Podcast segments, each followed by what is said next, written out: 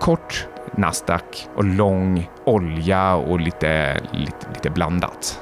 Eh, dina rotationer inom olika sektorer, det är ju inte för inget som vi kallar dig för oraklet på det här kontoret. Ja, men det, det är himla skönt att ha ett orakel på firman, eh, även om det är en själv. Skönt att du kan lita på dig själv, det vill man ju göra.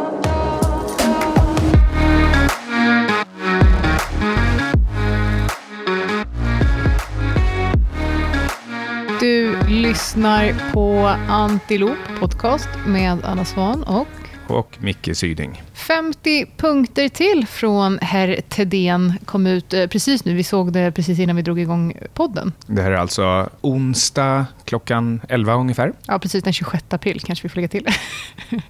det är en onsdag i livet.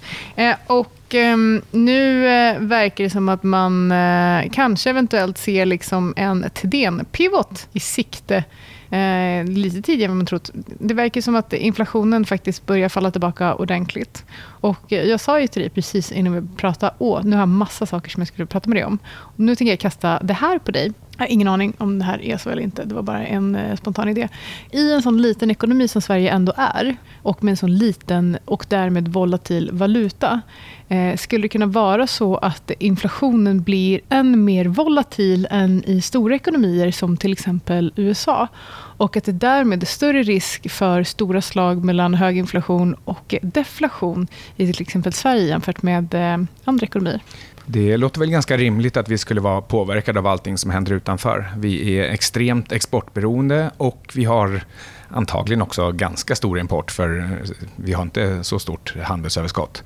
Så eh, ja, eh, mängden pengar vi får in för att sälja saker, det blir helt och hållet påverkat hur det, hur det går där ute i, i världen och eh, vilken mängd eh, inflation vi sen importerar i form av eh, högre priser på allting vi köper eh, eller lägre priser när det går åt det hållet. Så eh, ja, men det låter, låter högst rimligt att vi kommer svänga som en eh, vindflöjel.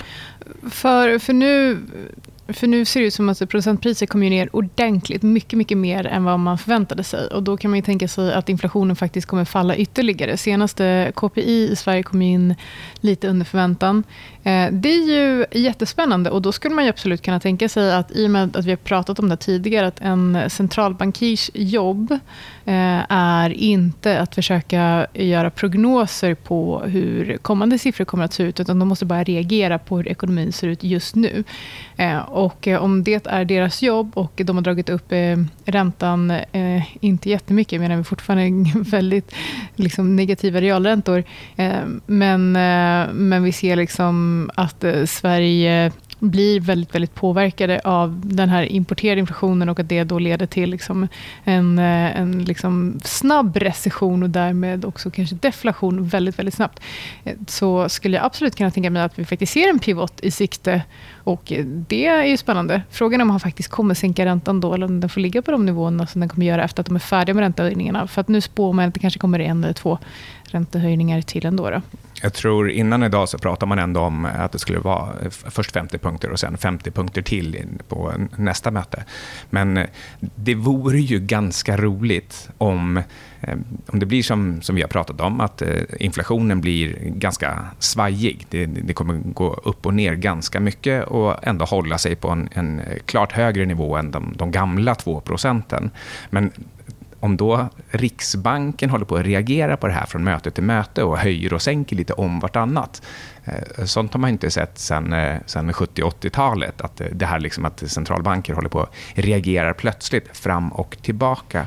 Jag, jag, tror inte att någon centralbankschef skulle vilja hamna i det läget. Utan jag tror att man, man vill att det ska vara cykler, liksom trender. Nu håller vi på att höjer för vi håller på att bekämpa någonting och nu håller vi på att sänker. Och det där är jättebra i en värld där man kanske har tagit hand om penningpolitiken på ett sunt sätt. Men vi har ju haft väldigt osund penningpolitik under väldigt lång period och eh, det är ju det vi ser effekter av idag. Och då kanske det får vara liksom lite slagigt under en period innan man kan övergå till cykler. För du kan ju inte förvänta dig du brukar säga att allting har konsekvenser.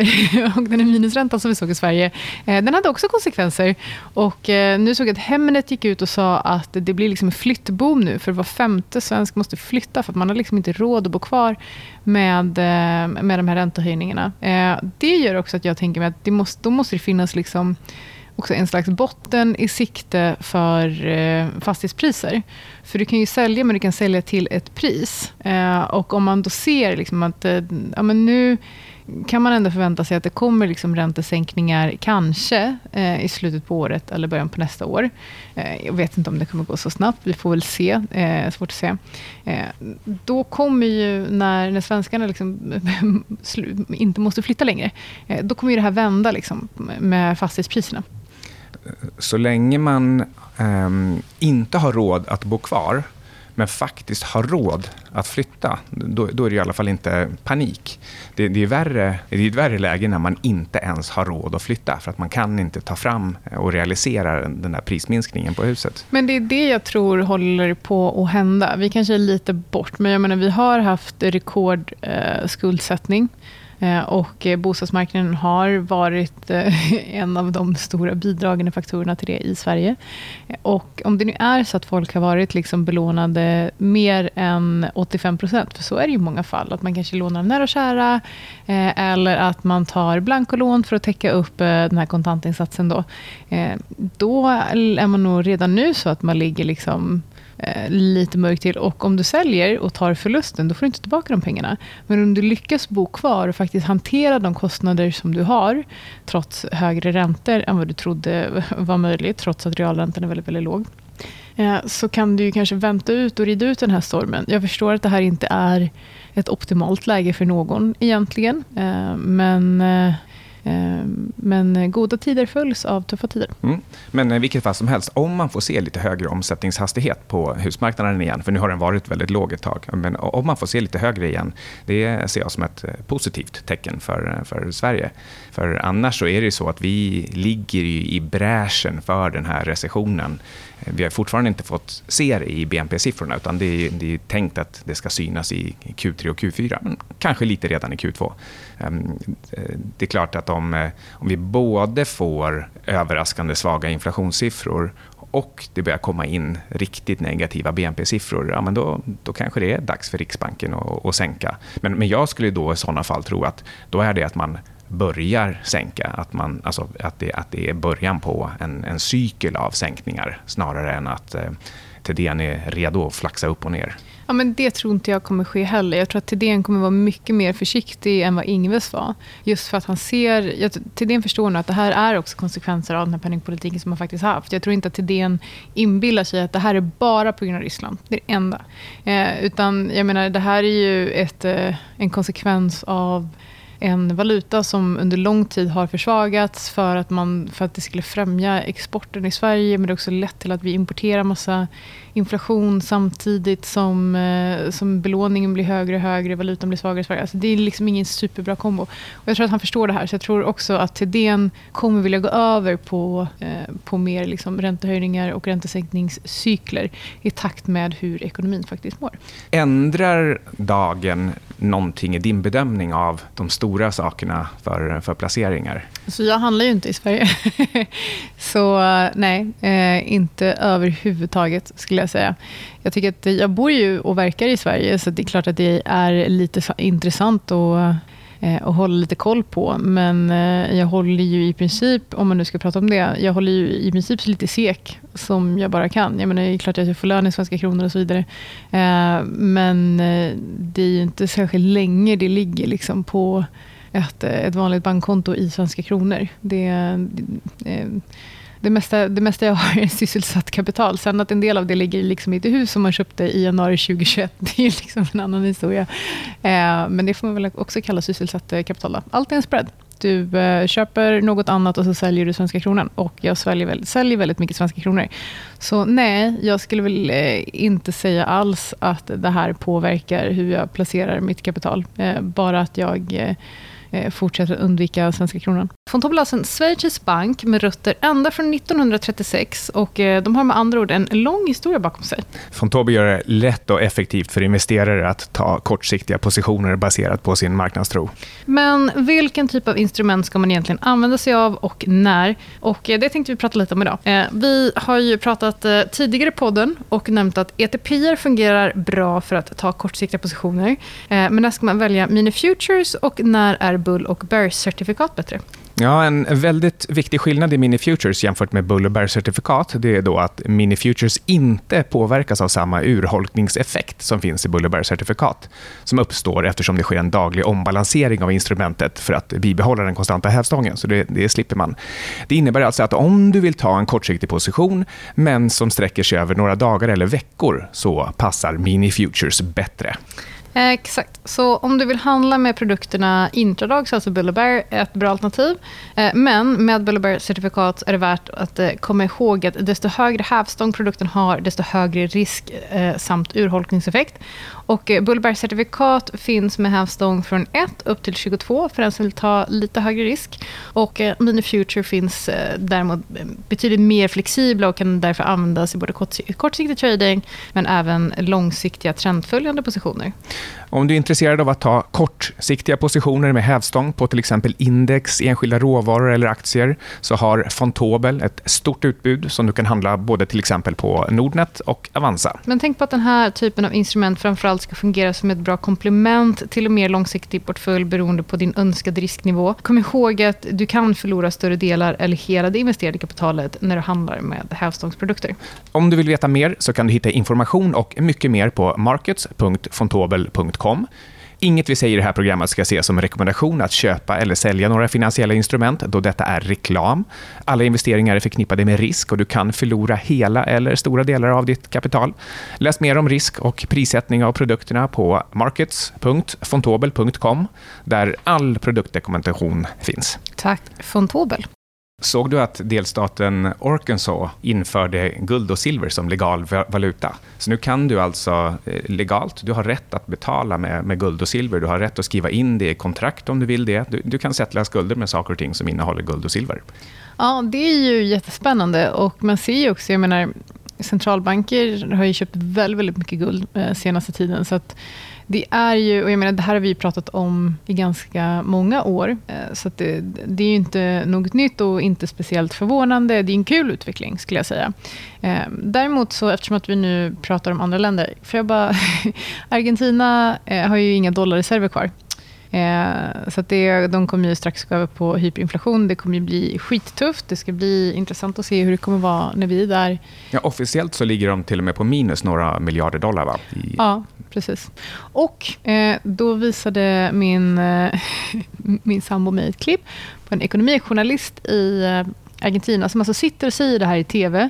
Och nu förstår jag varför eh, det partiet som, eh, som sitter i ledningen, varför de har haft så mycket stöd. Jag tror inte att de kommer vinna nästa val.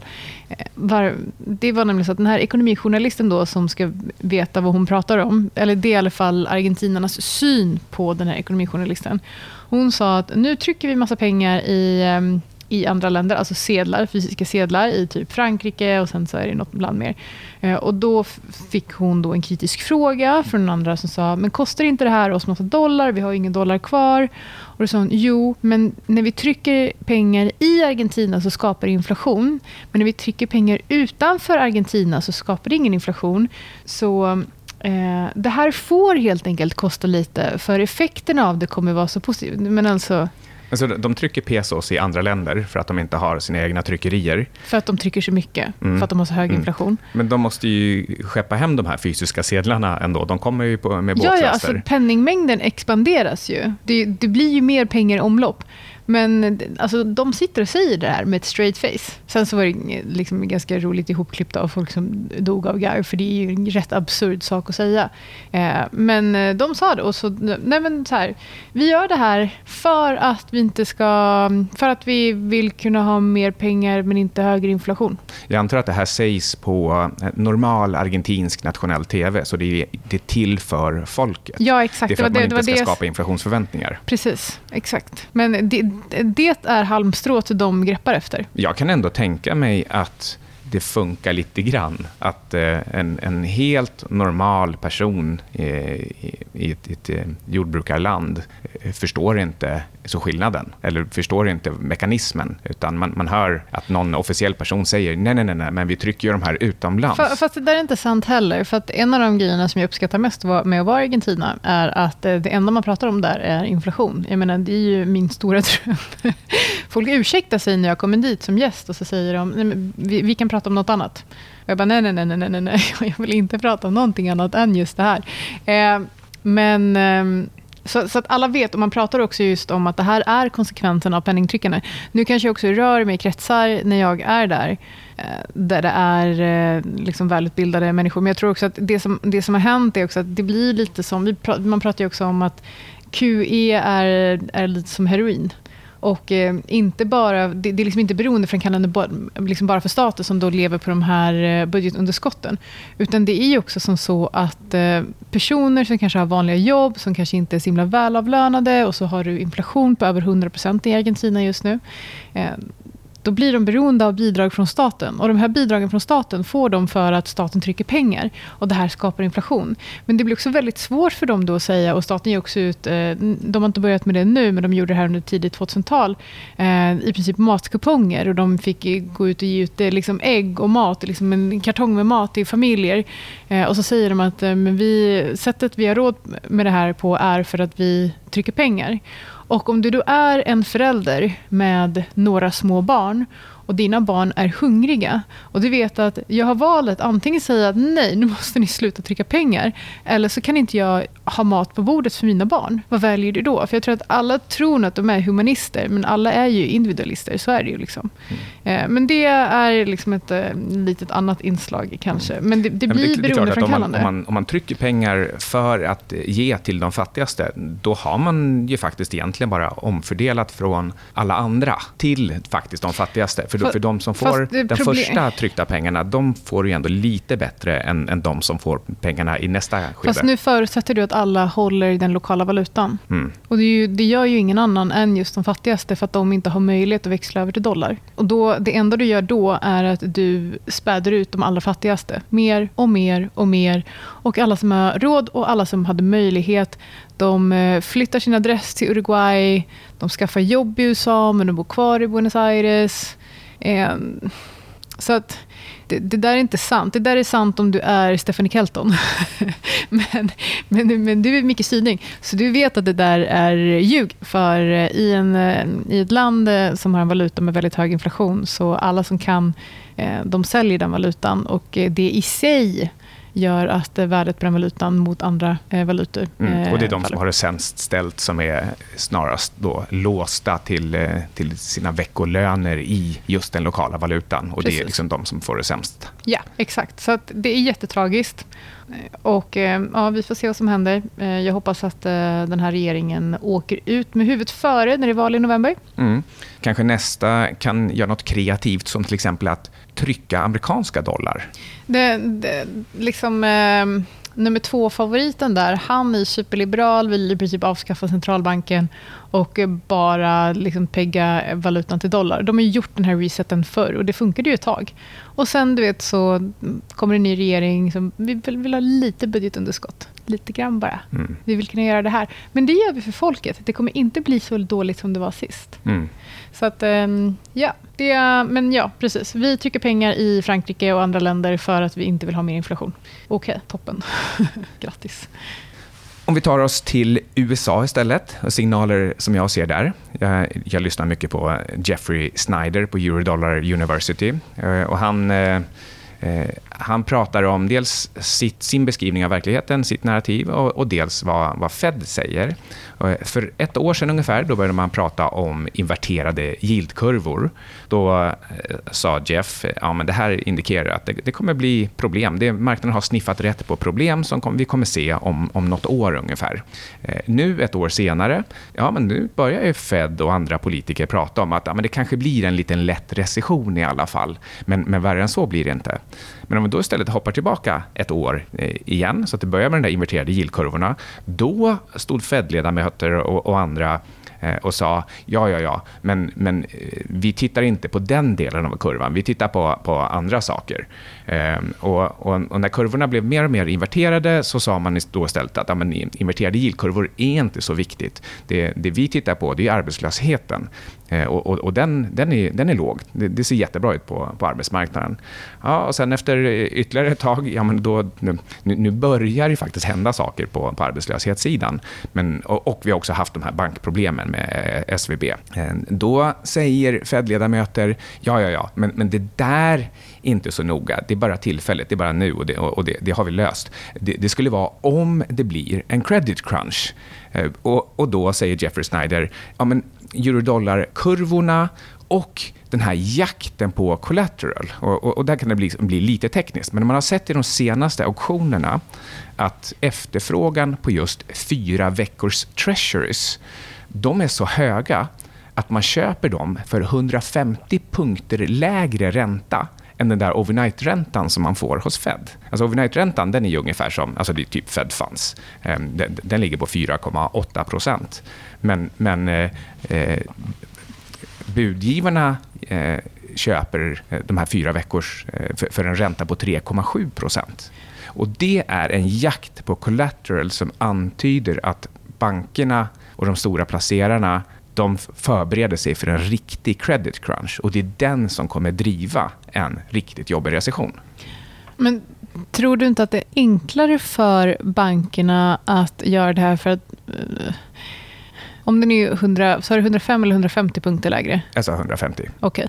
Okay. Eh, det är fortfarande 150 punkter lägre från eh, typ, vad är Fed Funds Rate på nu?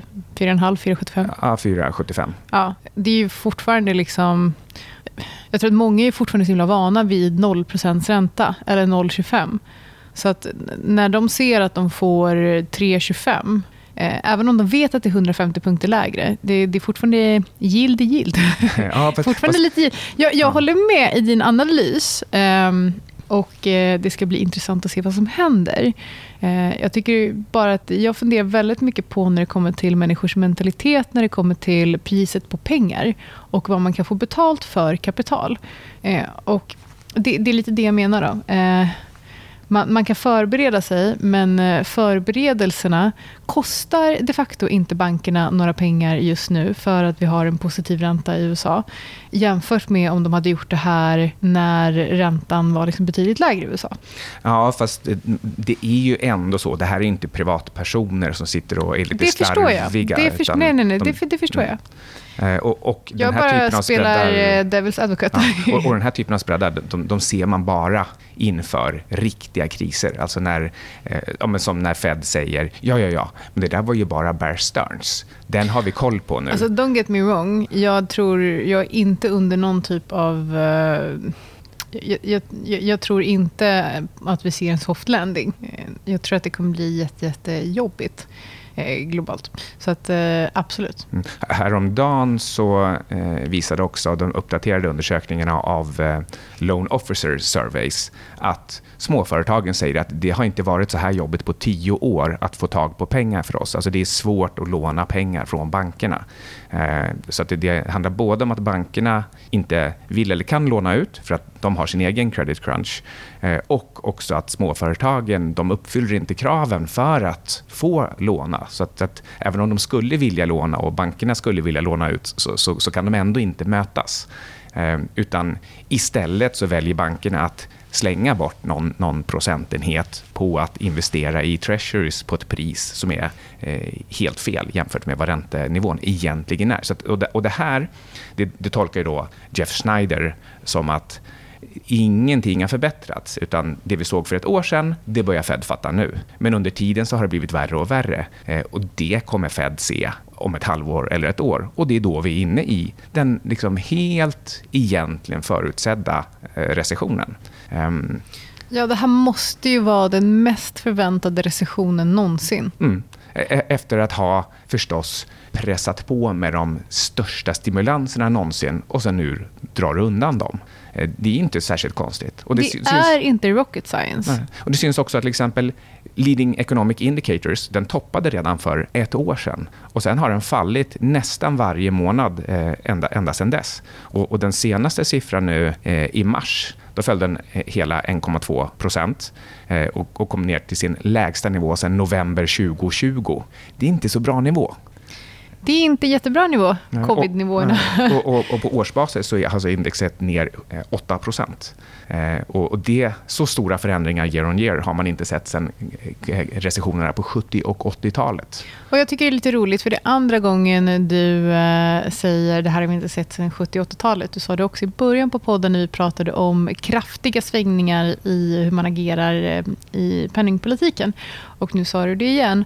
Och eh, är det inte så då att det finns många som har sagt att den perioden som vi har framför oss nu kommer påminna väldigt mycket om 70 och 80-talet? Mm, jo, eh, precis. Ehm, det, eh, det, är många som svajar fram och tillbaka med vilket eh, år man ska jämföra det här med. Ska det liksom vara 1907, eller 29 eller 53 och så vidare. Ehm, och en del smarta människor, typ Howard Marks, brukar säga att det, det är ingen av dem, utan det är, det är alla eller några stycken. Och Det är väl det som är det, liksom det, det rimligaste. Det är klart att det blir aldrig samma. Nej, för historien är, eh, upprepar sig inte, men den tenderar att rimma. Eh, Okej, okay. men då får jag ställa samma fråga till dig som du ställde till mig. Då. Hur agerar du rent placeringsmässigt just nu? Jag, tänker att, jag vet inte hur är våra lyssnare, om de eh, kanske mer är inriktade på, på just aktier. Och det är ju ditt huvudområde. Vilka sektorer tycker du är intressanta? Eh, vad tror du kommer bli, eh, få det jobbigt och eh, vilka indikatorer och signaler tittar du på? Mm. Eh, då kan man bara ta till protokollet att jag var ganska bullish i fjärde kvartalet eh, förra året. Och Sen började jag skruva om mig till mer och mer negativ under eh, rapportperioden i, i, i början på eh, 2023. Eh, och Sen har jag hållit mig medvetet ganska försiktigt kort Eh, kort betyder då att jag är eh, beta-justerat kort, men nominellt sett så har jag ändå varit lång. Det, det, det, visar hur nära nollan det hela ändå ligger. Men nu senaste veckan så har jag börjat öka på kortpositionerna lite grann ändå. Det betyder fortfarande att jag bara är 8-9 beta-justerat kort och fortfarande lite nominellt lång. Men, men, det, men det jag är mest negativ till, det är Nasdaq-bolagen. Det är Cathy Woods, eh, eh, alla de här eh, price sales 10, 20, 30-företagen i den så kallade techsektorn. Det är ju bara admin-mjukvara alltihop egentligen, men det kallas ju för tech. Och, och indikatorer som jag bland annat kollar på det är bredden eh, på Nasdaq. Hur många bolag som, som gör nya highs eller som ligger över 20 dagars glidande medelvärde och så. Och, och där är Nasdaq mycket, mycket sämre än S&P. Så jag ligger i princip kort Nasdaq och lång olja och lite, lite, lite blandat. Jag vill bara säga det, det här med eh, dina, eh, dina rotationer inom olika sektorer. Det är ju inte för inget som vi kallar dig för oraklet på det här kontoret. Ja, men det, det är himla skönt att ha ett orakel på firman, eh, även om det är en själv. Skönt att du kan lita på dig själv, det vill man ju göra. Vi okay. har Kina också. Eh, ja, det har vi. Kina existerar, det har du alldeles rätt i. Kinesiska staten gick häromdagen ut och, och de, de samlade in bankerna. Och så sa de, kan ni inte sänka inlåningsräntorna för folk spenderar för lite. Hallå, vi har öppnat upp ekonomin nu. Se till att skicka ut folk som, som köper prylar. Ni kan inte ha så höga inlåningsräntor, för då, då sparar folk istället. Det är dumt. Ja, det är dumt. Det får man inte göra, för um, ja, då kan ju priserna falla. Ja, och, och, och, och, de har ju rätt också, för trots att de nu har öppnat upp så är kapacitetsutnyttjandet, alltså hur, mycket, hur hårt driver man fabrikerna? Och, och, och det här ska ju gärna vara liksom på 90% om du har lite tryck i ekonomin. Den är på 74% nu. Eh, samma nivå som Eh, eh våren 2020 och våren 2016. Återigen, det här är superklena siffror om du påstår att det börjar se lite bättre ut. Och för att inte tala om liksom just Kina, de ska ju just ha öppnat upp. Nu ska de ju köra för alla cylindrar. Um, ja, eh, också en indikator. Um, den blir lite mer anekdotisk. Det jag tittar på som jag gillar mer, det är ju sådana saker som eh, leading economic indicators, för den är så, den är så tydlig och långsam och, och, och pålitlig eh, i, i, sin mät, eh, alltså mätmetodik. Eh, och aktiemässigt så gillar jag då som sagt då den här breddindikatorn ehm, för, för Nasdaq och S&P. Eh, det jag gärna skulle vilja se också det är egentligen att de här indexerna hamnar under vissa glidande medelvärden för då, då har man, eh, de har fått med sig tillräckligt många på nedsidan. Du, jag satt och kollade på um, S&P's uh, graf över senaste året och jag sa att det ser lite toppish ut. Mm. Håller det, du med? Ja, ja det, det, tycker jag. Det, det, ser lite toppish ut. Men, men just så här, lite. Man, man ser en potential. Ja, exakt. Att... För, för det är också så här, eh, den har ju också högre bottnar bakom sig. Mm. Det skulle lika gärna kunna slå på uppsidan. Men å andra sidan, om man tittar på makrofaktorer, så eh, kanske mm. inte. Nej, precis. Och då ligger sannolikheten mer för att den ska bryta ner och konfirmera att det var toppish. Kommer du ihåg ehm, att eh, vi hade ett möte, ett eh, veckomöte förra veckan och så tittade vi på en graf och så sa Martin att det där var den snyggaste grafen han någonsin har sett i hela sitt liv. Jag minns inte just nu. Du minns inte just nu. Det var ju över jordbruksråvaror. Ett eh, jordbruksråvaruindex. Ja, ja, ja, jag kan slänga ut den på, på Twitter. Han blev... Eh, eh, riskviljan gick upp där lite, kan man säga. Ja. Vi har lite andra... Nu har ju rapportperioden dragit igång. Det är inte så många bolag som har rapporterat i Sverige ännu, men, men i USA så har eh, jag läst transcripts från, från en del bolag. Amex, Manpower, Procter Gamble. Eh, då har vi liksom finans, vi har eh, staffingsektorn, bemanningssektorn och vi har konsumentvaror. Allihop börjar nu prata om svaghetstecken som ingen egentligen pratade om i förra rapportperioden.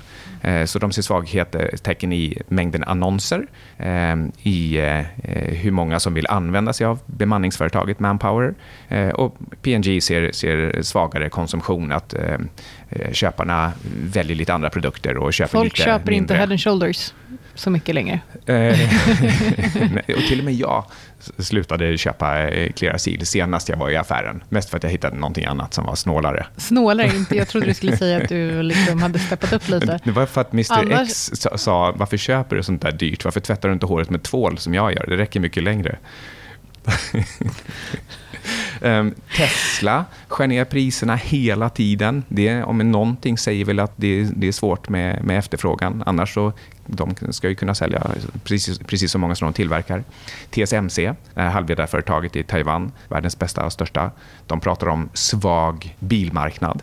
Jag försöker komma över att Mr X tycker att du ska tvätta håret med tvål. För mig, mina liksom hudvårds och hårrutiner blir liksom inte billigare per år, men det är fint att det går åt andra hållet för er. En, eh, en kanske sista grej som jag tycker det pratas väldigt lite om. Eh, och det är att i, i vissa kretsar så börjar man säga att eh, alltså dels så är skatteintäkterna, tax returns i USA, de är oväntat låga i år. Det säger också någonting om att det, det jobbas mindre, det tjänas mindre. Det här är en bra indikation på att även liksom, på arbetsmarknaden på flera sätt är på väg att försvagas. Eh, det här betyder också mindre intäkter för amerikanska staten, vilket i sin tur betyder att det här skuldtaksdebatten, den kommer hamna tidigare än man trodde förut. Ett tag så pratade man om augusti, nu pratar man om mitten eller kanske till och med första halvan av juni. Och också att det, det, här politiska läget är sånt att den här gången så kommer de nog strida det hårdaste de har gjort sedan typ 2011. Och då, var ju, då blev ju till slut USA nedgraderat ett tag efter den här, den här striden. Så Eh, skuldtaket, normala fall så ska man strunta i det helt och hållet när man tittar på, på börsen och ekonomin. De kommer alltid överens. Eh, men ibland så vill de bråka lite extra mycket och det, det, det är nog liksom läge nu med tanke på hur Demokraterna och Republikanerna liksom blir mer och mer polariserade oerhört upplyftande avsnitt idag. Ja, så jag är superbass och eh, jag ser, eh, ser ändå guldet som en av de, de, de, stora möjligheterna. Och då har vi med oss då den här Arkansas som, som gör det till legal tender och 23 andra delstater som tittar på liknande åtgärder. Det, det är ju häftigt. USA är ju verkligen det är Ligger i ställe. framkant. Ja. Vilket härligt ställe, sa han med glimten i ögat, för att han vet att då är det nog många som blir lite arga, som inte förstår alla nyanser i det skämtet. Så då fick eh, fröken Svan här förtydliga det, som så många gånger annars. Eh, ska vi eh, avsluta där? Tack för oss. Vad ska du göra i helgen? Mm, ja, jag ska till någonstans där eh, halva Börspodden brukar ha råd att åka. hej, hej Johan. Vi kanske ses. Gör vi det? Nej, jag tror, jag tror inte han är där nu. Han har varit där tillräckligt. Han har varit där tillräckligt. Kan man vara i Marbella tillräckligt mycket? Alltså, jag tycker det. Det är himla härligt under rätt omständigheter, men, men jag vill inte göra som de där andra som, som köper hus och, och bor där. Men du åker gärna och hälsar på dem? I deras hus. Okej, okay, ja. Eh, du har lyssnat på? Anti...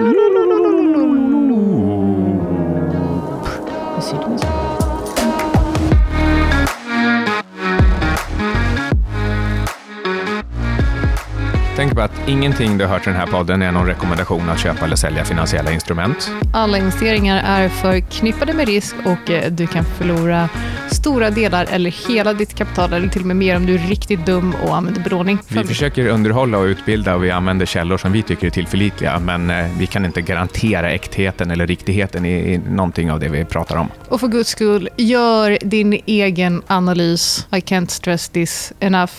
Eh, och never dina go pengar, all in. Nej, och det är dina pengar, eh, ditt ansvar.